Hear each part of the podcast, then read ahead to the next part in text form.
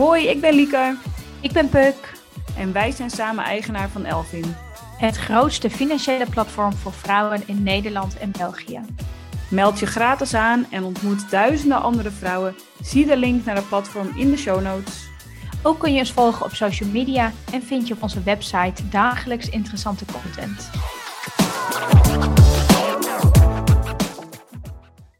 Hallo, wel leuk dat je weer luistert naar de Elvin podcast. En ik ben vandaag niet met Puk, maar met Marianne Bruin. En Marianne, die ken ik van een uh, event waar we allebei voor waren uitgenodigd over financieel onafhankelijkheid. En Marianne heeft een heel tof boek geschreven, The Female Fix, over vrouwen en financieel onafhankelijk worden en zijn. Ik ben hem op dit moment aan het luisteren via Nextory.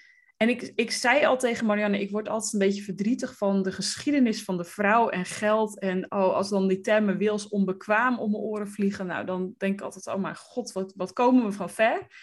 Um, maar goed, vandaag ga ik het met Marianne daar dus over hebben, maar ook over haar eigen reis en tips en tricks.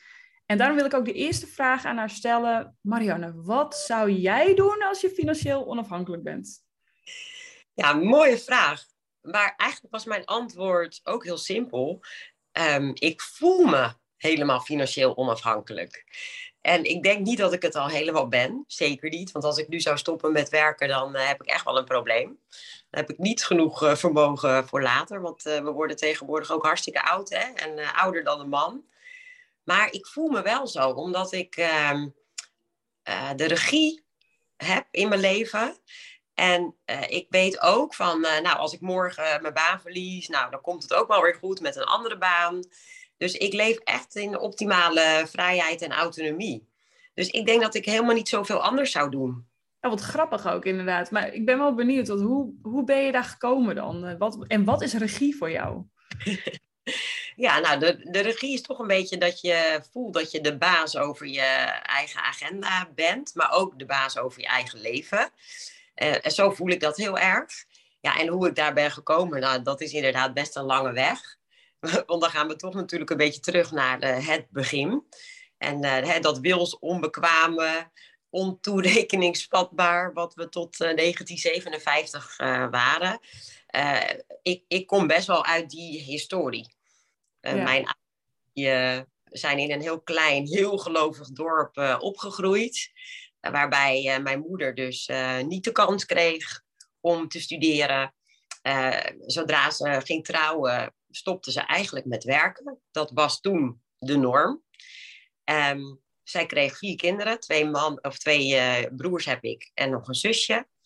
En het was eigenlijk al heel vanzelfsprekend, ook in ons gezin, dat mijn broers de zaak zouden overnemen die mijn vader had.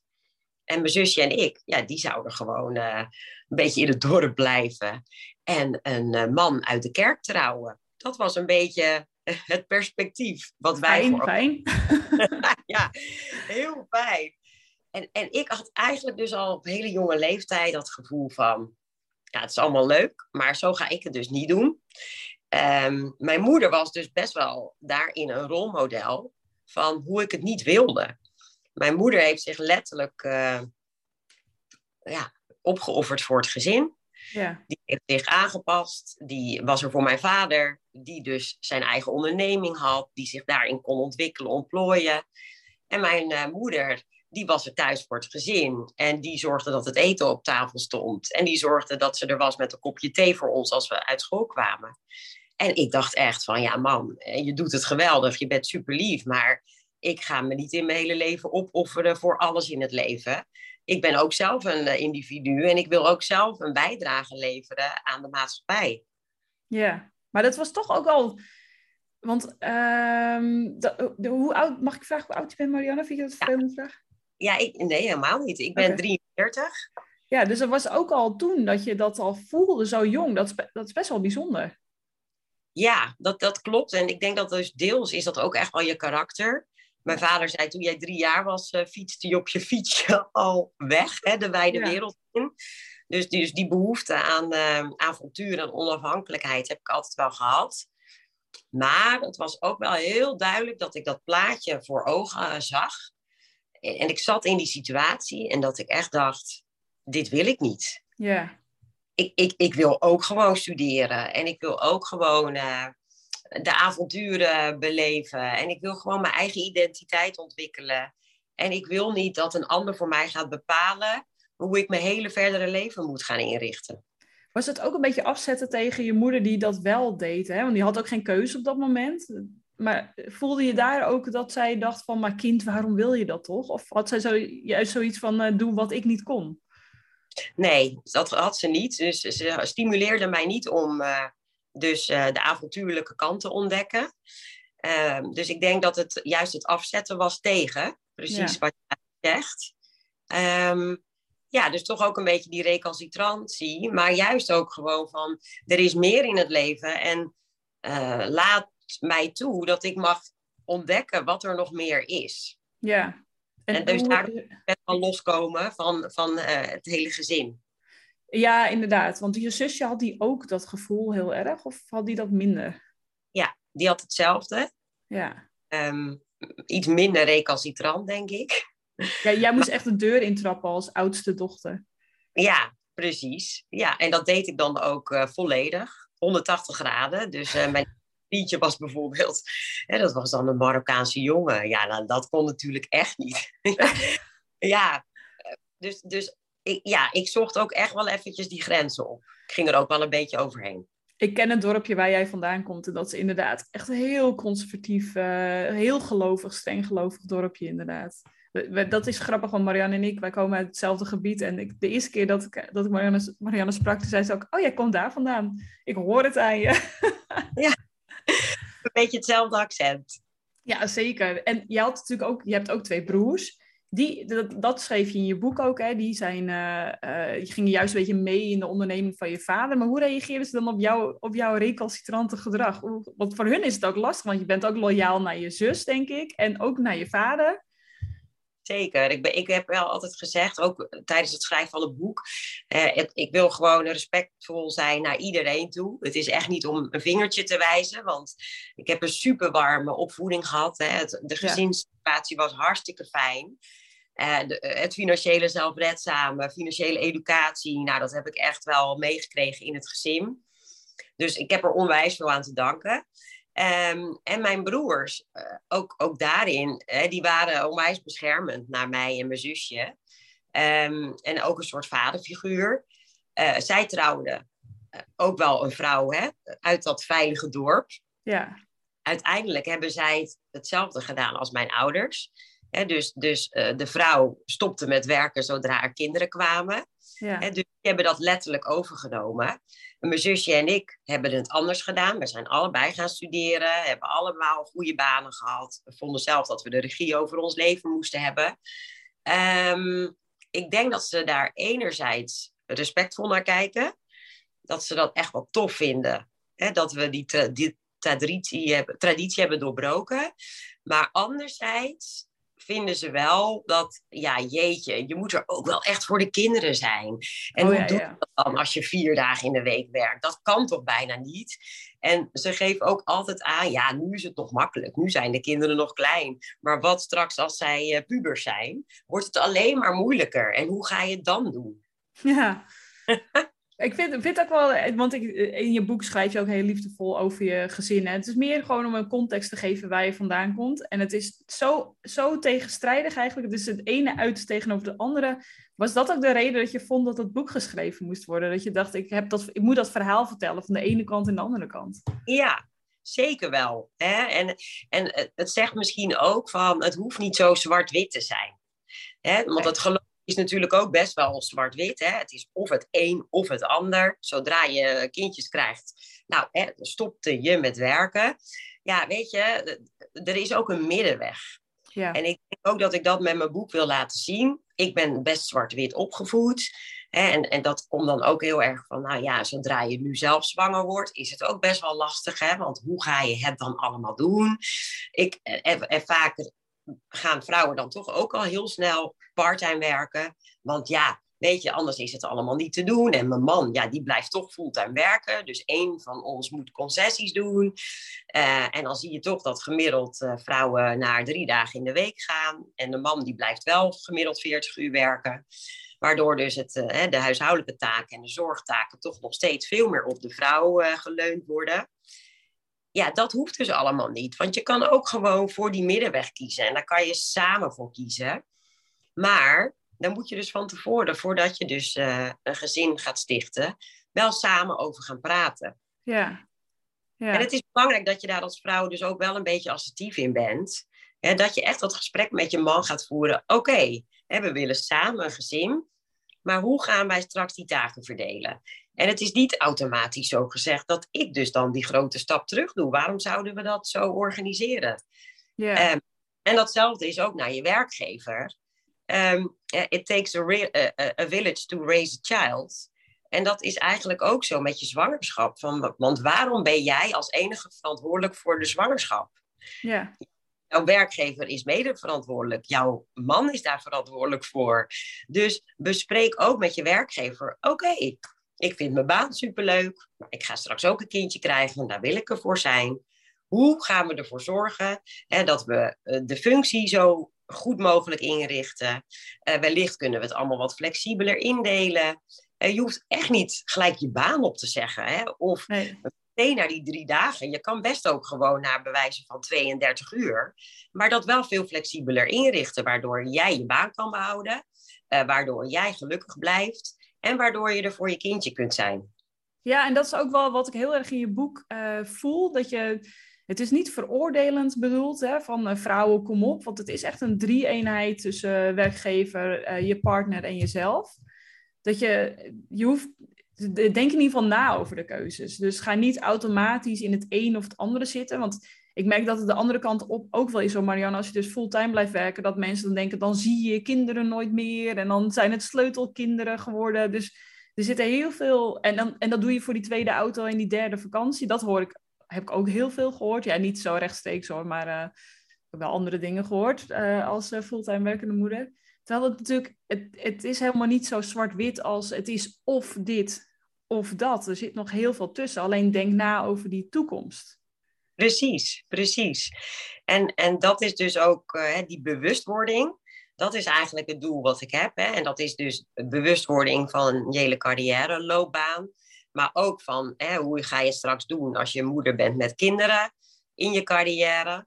Maar daarnaast is het ook nog van uh, realiseer je wat de financiële consequenties zijn um, per live event. Ja. Hè? Dus en, en dan is het gewoon waar dat zodra de kinderen komen, hè, dat er een enorme impact nog steeds is op uh, de financiën van de vrouw. Ja, Want ja 46 procent schreef jij? Ja, bizar. Ja, op achteruit. Wist ik echt niet dat het zo hoog was. Ja, het is bizar. En, en acht jaar na de geboorte van het eerste kindje is dus het verschil. En dat noem je dus uh, de child penalty. Oh, en ja. daarmee gaat ook de grootste gender gay, uh, pay cap. Uh, die is dus na acht jaar nog 40% ten opzichte van de man. Dus ja, bizar. inkomen is 40% lager. Ja, dat ja. is bizar. Ik vind het trouwens wel heel mooi dat je dit, uh, want je bent zelf moeder, je hebt vier kinderen, vier kinderen. En je, en je zegt in het begin van het gesprek, ik voel me dus heel erg vrij en ik kan, me, weet je wel, ik kan gewoon autonome keuzes maken. Maar je hebt ook vier kinderen en je werkt in, uh, bij, de, uh, bij de Rabobank. En een hele toffe functie heb je daar voor vier dagen. Dus ik vind ook wel, je bent ook wel een soort van spokesperson voor de werkende moeder. Met het kan ook wel. Maar heb je zelf wel, ben je zelf tegen dingen aangelopen? Zeker, zeker weten, want daar leer je natuurlijk het meest van. Kijk, ik wilde natuurlijk ook aan de buitenwereld bewijzen, en dan met name dus mijn ouders hè, en, en de familie, uh, dat ik het allemaal wel kon. Dus uh, kijk eens, ik kan uh, carrière maken en als er straks kinderen komen, en dan kan ik het ook allemaal bolwerken. Nou, een hele belangrijke les hierin is, als jij dus kiest voor de kindjes krijgen, zorg dan dat je in een fijne functie zit met een fijne werkgever. Ja. Um, en ga dan niet voor die promotie op dat moment. Want het kan allemaal niet en, en, en, en. En als je moeder wordt, heb je een enorme uh, transitie te doormaken. Geef dat dus ook eventjes wat tijd. Dus als je bij enorme masculine werkgever zit, en daarmee bedoel ik dat ze echt verwachten dat jij eh, om half negen binnenkomt en om half zes uh, de deur uitgaat. Bewijzen van nog met een tijdsklok, uh, waar geen fijne koolfaciliteiten zijn. Waar ze je eigenlijk wegkijken als jij om vijf uur de deur uitgaat. dan zit je daar niet goed. Nee. Dus als jij weet, ik wil een gezin stichten, zorg dan dus dat je bij een fijne werkgever zit, waarbij het gewoon, uh, waar, waar ze respectvol omgaan met het feit dat jij moeder wordt. Dat is één. Ga dus ten tijde van dat jij dus weet dat je moeder gaat worden, niet voor die promotie. Ga eerst gewoon lekker die kindjes krijgen. Uh, time, als het kan, je ouderschap een beetje. Ik weet, dat is natuurlijk hartstikke lastig. Het moet ook allemaal maar lukken. Maar ik heb een hele goede tip ook van mijn vader meegekregen. En Barbara Baarsma, die zegt het ook. Want die heb ik geïnterviewd voor mijn boek. Als het kan, krijg dan wat jonger in je carrière kinderen. Ja. je hoeft echt nog niet het perfecte huis te hebben. Je kindje kan gewoon op jouw slaapkamer slapen, bij wijze van spreken. Het hoeft nog niet allemaal perfect te zijn. Want je, je bent gewoon weerbaarder en wendbaarder als jonge moeder. Je kan die slapeloze nachten beter aan. En je zit dus nog niet in die top van je carrière met een zware managementpositie. Ja. Dat, is, dat zijn echt belangrijke tips.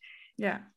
En zodra je dan je gezin een beetje hebt, hè, en je hebt daar een beetje een balans in gevonden, het loopt allemaal lekker. Uh, nou, dan heb je zelf ook weer wat meer ruimte in je carrière. Nou, en dan heb je dus ruimte om voor die mooie promotie te gaan.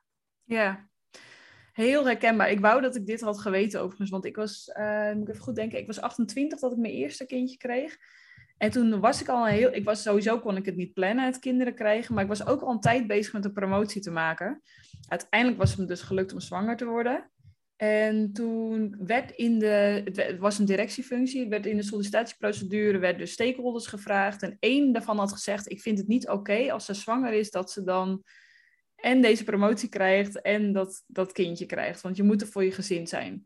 Ik vond dat toen een enorme belediging. Dat ik echt dacht, ja hallo, ik, uh, ik beval wel van een kind, maar mijn hersenen blijven gewoon zitten, weet je wel. Ik kan dit gewoon wel. Maar ik, ik heb, en vlak daarna kreeg ik mijn tweede kindje. Toen ging ik naar een andere bedrijf, weer een directiefunctie, masculine omgeving. Ik heb me altijd, moet, voor mijn gevoel, op mijn tenen moeten lopen om mezelf te bewijzen. Zowel naar thuis als naar mijn werkgever. En ik had echt fijne werkgevers hoor, dus ik kon zelf wel veel dingen bepalen. Um, dus aan de ene kant ja, want ik, nu ben ik dus 37 en mijn kinderen zijn nu uh, bijna 9 en, en 7. Ik voel enorm veel vrijheid. Ik heb die slapeloze nachten gehad. Als ik nu een slapeloze nacht heb, dan kan ik dat prima aan. Maar aan de andere kant was ik ook toen bezig, heel erg bezig met die promoties. En ik heb mezelf wel echt voorbij gerend. Ja. Op dat moment. Ik vond dat echt wel heftig.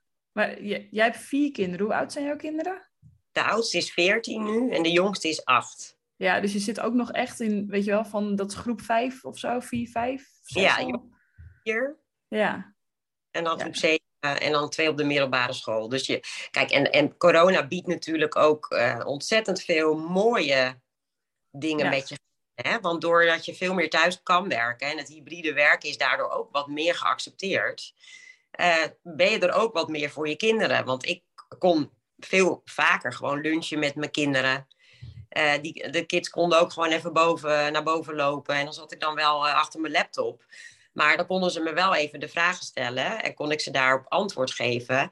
En ze zagen ook van, ja, als je iets wil bereiken in het leven, moet je daar gewoon heel hard voor werken. Want ja, mijn moeder die is dan wel thuis, maar ze zit wel de hele dag achter die laptop.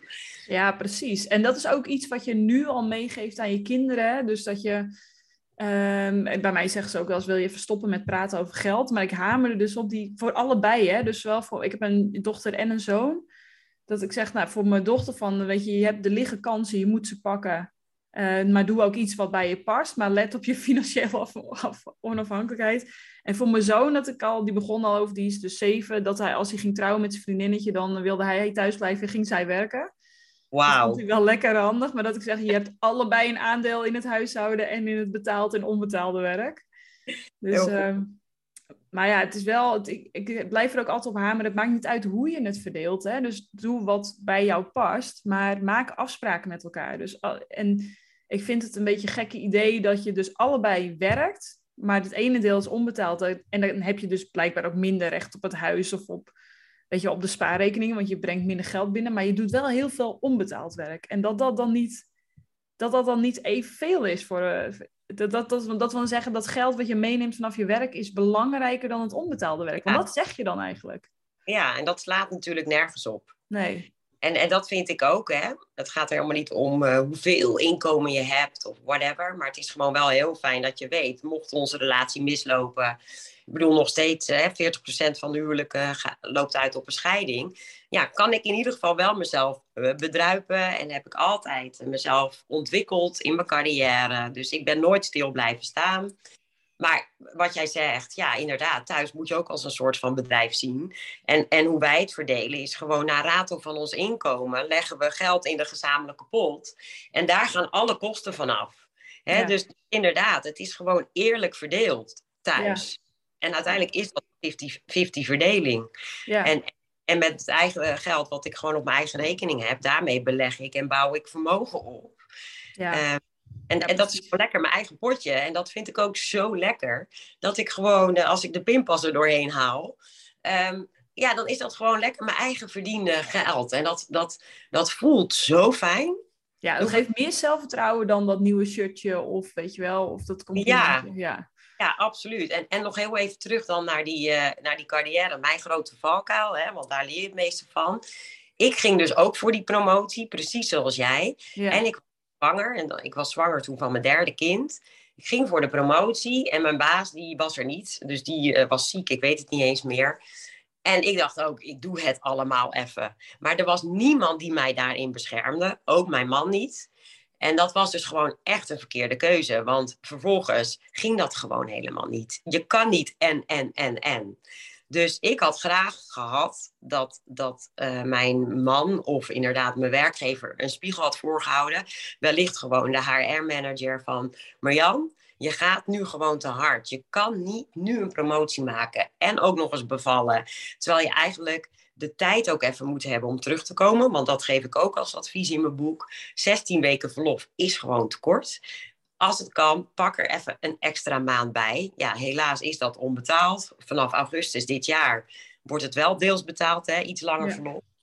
Um, maar geef jezelf ook gewoon eventjes de ruimte en de tijd om gewoon uh, moeder te zijn. Zeker. Al moet ik zelf wel zeggen, als iemand dat tegen mij had gezegd, dan had ik gezegd, nou jij misschien niet, maar ik kan het wel. Want zo ben ik dan ook wel weer. Als iemand dan tegen me gaat zeggen dat het niet kan, dan wil ik het juist. Dus dat is ook een beetje... Het is wel goed dat je ook je man uh, uh, noemt, want dat is eigenlijk ook een super belangrijke, of partner, hè, het hoeft geen man te zijn, maar in ieder geval je partner, super belangrijk voor, het, voor uh, de stappen die je kunt zetten als vrouw. Dus wat voor rol zie jij eigenlijk voor mannen in dit hele vraagstuk over vrouwen? Ja. Partners. Ja, ja, dus, dus het is je partner, maar het is ook inderdaad uh, de mannelijke manager. Maar dat kan ook een vrouw zijn. Nou, dat is inderdaad gewoon uh, de spiegel voorhouden, vragen stellen, luisteren naar uh, wat zijn jouw ambities? Hoe zie je je leven voor je? hoe zie je ons gezin voor ons? En en, en hoe, hoe zie jij het ideale plaatje? Hoe zie jij de ideale verdeling in plaats van het al voor jou te gaan invullen? Hè? dus stel die vragen en toon betrokkenheid. En ik denk dat dat het allerbelangrijkste is. En, en dat heb ik dus niet goed genoeg gedaan. Hè? Mijn man die uh, had sowieso al zijn eigen bedrijf. Ja, en die ging zijn leven gewoon niet anders inrichten. Die zei gelijk, ik ga niet minder werken. Um, ja, uh, regel het maar. Doe maar hoe jij denkt dat het moet. Maar hij remde mij ook niet af in... Um, dus ik stopte, propte gewoon vijf dagen in vier dagen werken. dus dat, dan ben je ook een dief van je eigen portemonnee. Hartstikke. Maar op mijn vrije dag nam ik dan mijn kinderen gewoon mee uh, naar mijn werk. Want dan was er nog weer een smaaktest. En dan dacht ik, oh, hartstikke leuk. Want mijn, mijn moeder werkt bij McDonald's. Hè, waar ja. werk bij McDonald's. En mijn kinderen vonden dat ook hartstikke leuk. Maar het is natuurlijk niet normaal. Want je bent nog steeds aan het werk. En je neemt al je kids er ook nog eens in mee. En Mark die had eigenlijk gewoon zoiets. Mijn man, nou ja, nou ze fixt het. Dus, uh, lekkere dag gehad, zei hij dan. Hoe was je dag? Ja, lekkere dag gehad, lekker naar het werk geweest. Jij dacht echt, ik loop hier met drie kinderen een smaaktest te doen. ja, ja, dus, dus ik, eh, het was voor mij echt learning by doing. Ik ben gewoon even letterlijk tegen die spiegel aangelopen. Maar het is gewoon super belangrijk om, om dat gesprek met je partner en je, en je werkgever te blijven voeren. En niet één keer. Nee, dat, dat moet je eigenlijk gewoon eens in de maand met je partner doen. En met je werkgever eens in een kwartaal. Van nou, hoe gaat het? En eh, kan ik het allemaal managen? En voel ik me er zelf ook happy bij?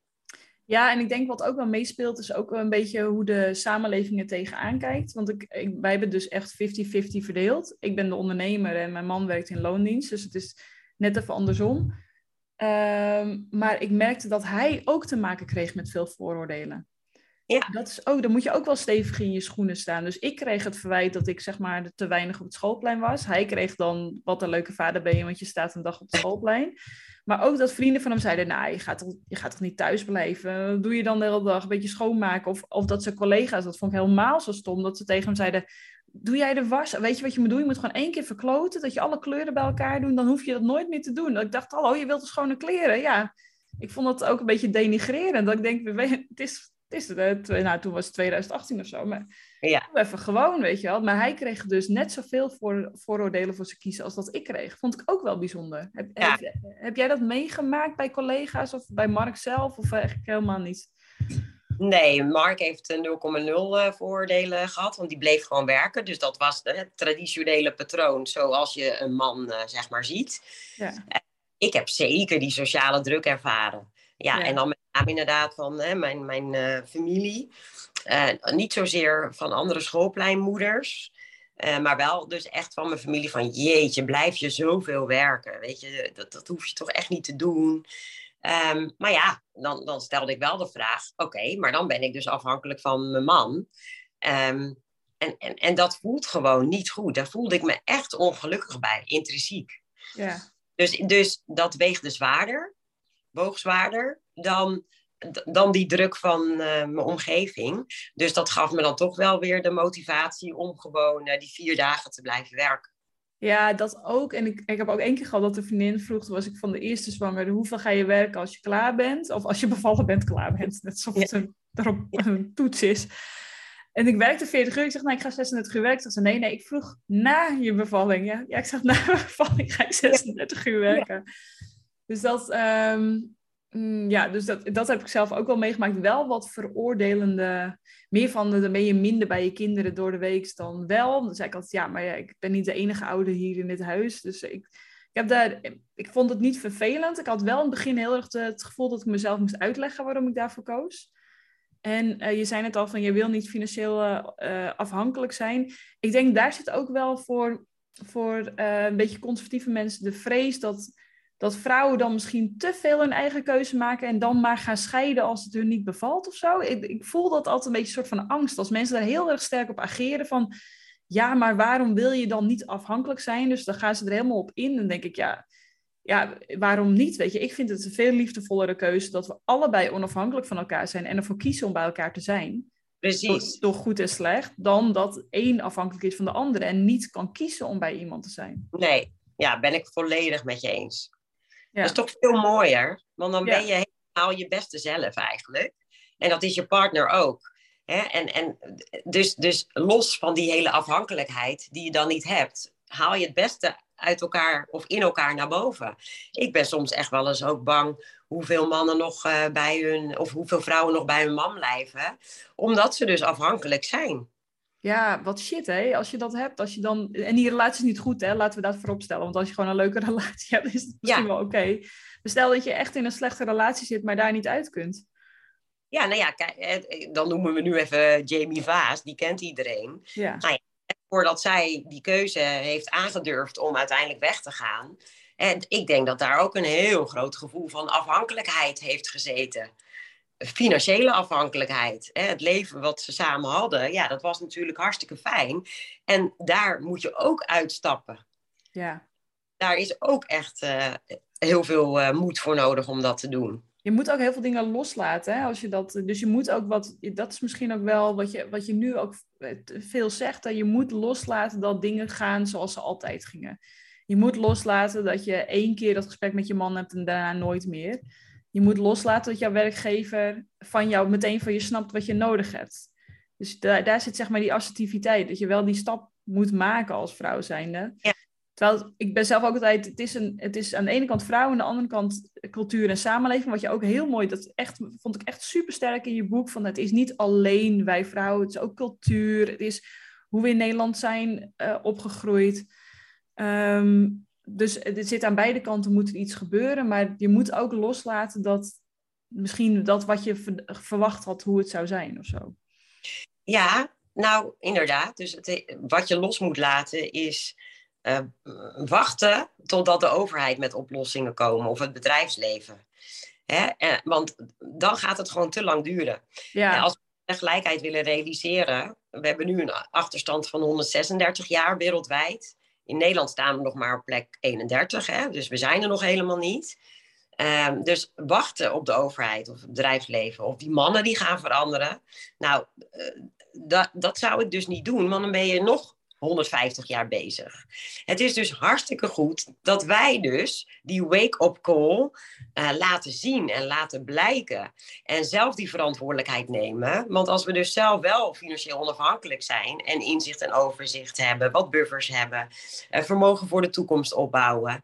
Kijk, dan gaat dus die transitie naar gendergelijkheid ook veel sneller, want dan ben je niet meer afhankelijk. En als je onafhankelijk bent, ja, dan kunnen we zelf die regels bepalen.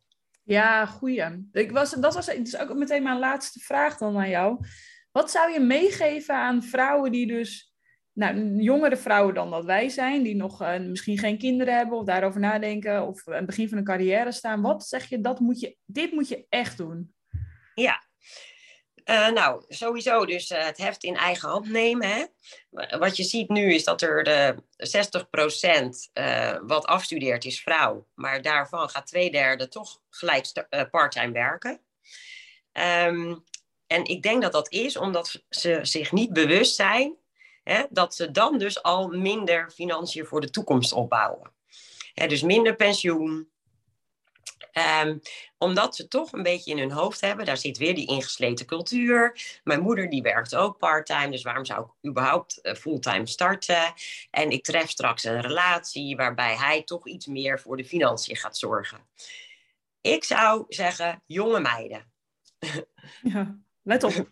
Nee, van ga gewoon lekker fulltime werken in het begin. Uh, je hebt nog weinig kosten. Ga dus dan al geld opzij zetten voor later. Uh, ga dan dus al een stukje aan je vermogensmanagement werken. Zorg dus dat je dan al een stukje gaat beleggen. Uh, en een stukje gewoon opzij zet voor onvoorziene omstandigheden. Uh, en zorg dat je dan al dus in je financiële kracht staat.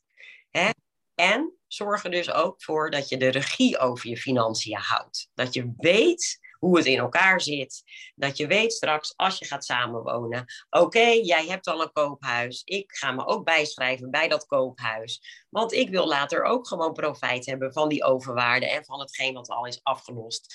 Dus wees, heb gewoon de regie over je hele leven. En dat is dus ook regie over je financiën en ook regie over je carrière. Nou, supergoed. Ja, dus dat is echt, nou, dus, jongens, steek dit in je zak. Want dit, uh, echt uit de mond van Marianne Bruin, de auteur van Female Fix, die weet het beter dan wat wij. Ze heeft er, ze heeft er onderzoek naar gedaan. En sowieso kan ik het boek enorm aanraden. Maar ja, ik vind wel, ik ben nu wel toe aan wat opbeurende nieuws naar de eerste hoofdstuk. Omdat ik, ik stond, ik was dus een rondje aan het wandelen. Ik heb het luisterboek dus via Nextory. En ik was echt aan het stampvoeten echt zo van, jezus mine, weet je. Ach, nou, dit is ook stom, dit is ook stom. Maar ja, goed, dat, dat moet me niet tegenhouden om nu dus te zorgen dat die 100, wat was 156 jaar teruggebracht wordt naar, eh, naar nul. Ja, precies. Kijk, en, en inderdaad, het begint in het begin een beetje heftig. Maar ik vind het ook belangrijk dat de jonge meiden weten waar we vandaan komen. En ook hoe hard er dus gestreden is door feministische bewegingen. Om dus uh, werk mogelijk te maken. En dat is het ook, hè. carrière, studeren, stemrecht. Het is gewoon super gaaf dat we dat allemaal hebben. En laten we dat dan ook gewoon benutten met elkaar. Ja, dat is ook echt supergoed. Nou, dan, dankjewel Marianne voor deze opbeurende woorden zo aan het einde van dit gesprek. Um, nou, vond je het leuk om uh, dit gesprek te horen? Laat het even weten op social media. Wil je verder praten over dit onderwerp, dan kan dat bij ons in de community. En als je member bent van Elvin, heb je sowieso gratis toegang tot Nextory, waar het boek The Female Fix ook te luisteren is en anders ook te koop via bol.com en alle andere boekhandels. Uh, dank jullie wel en uh, tot later weer.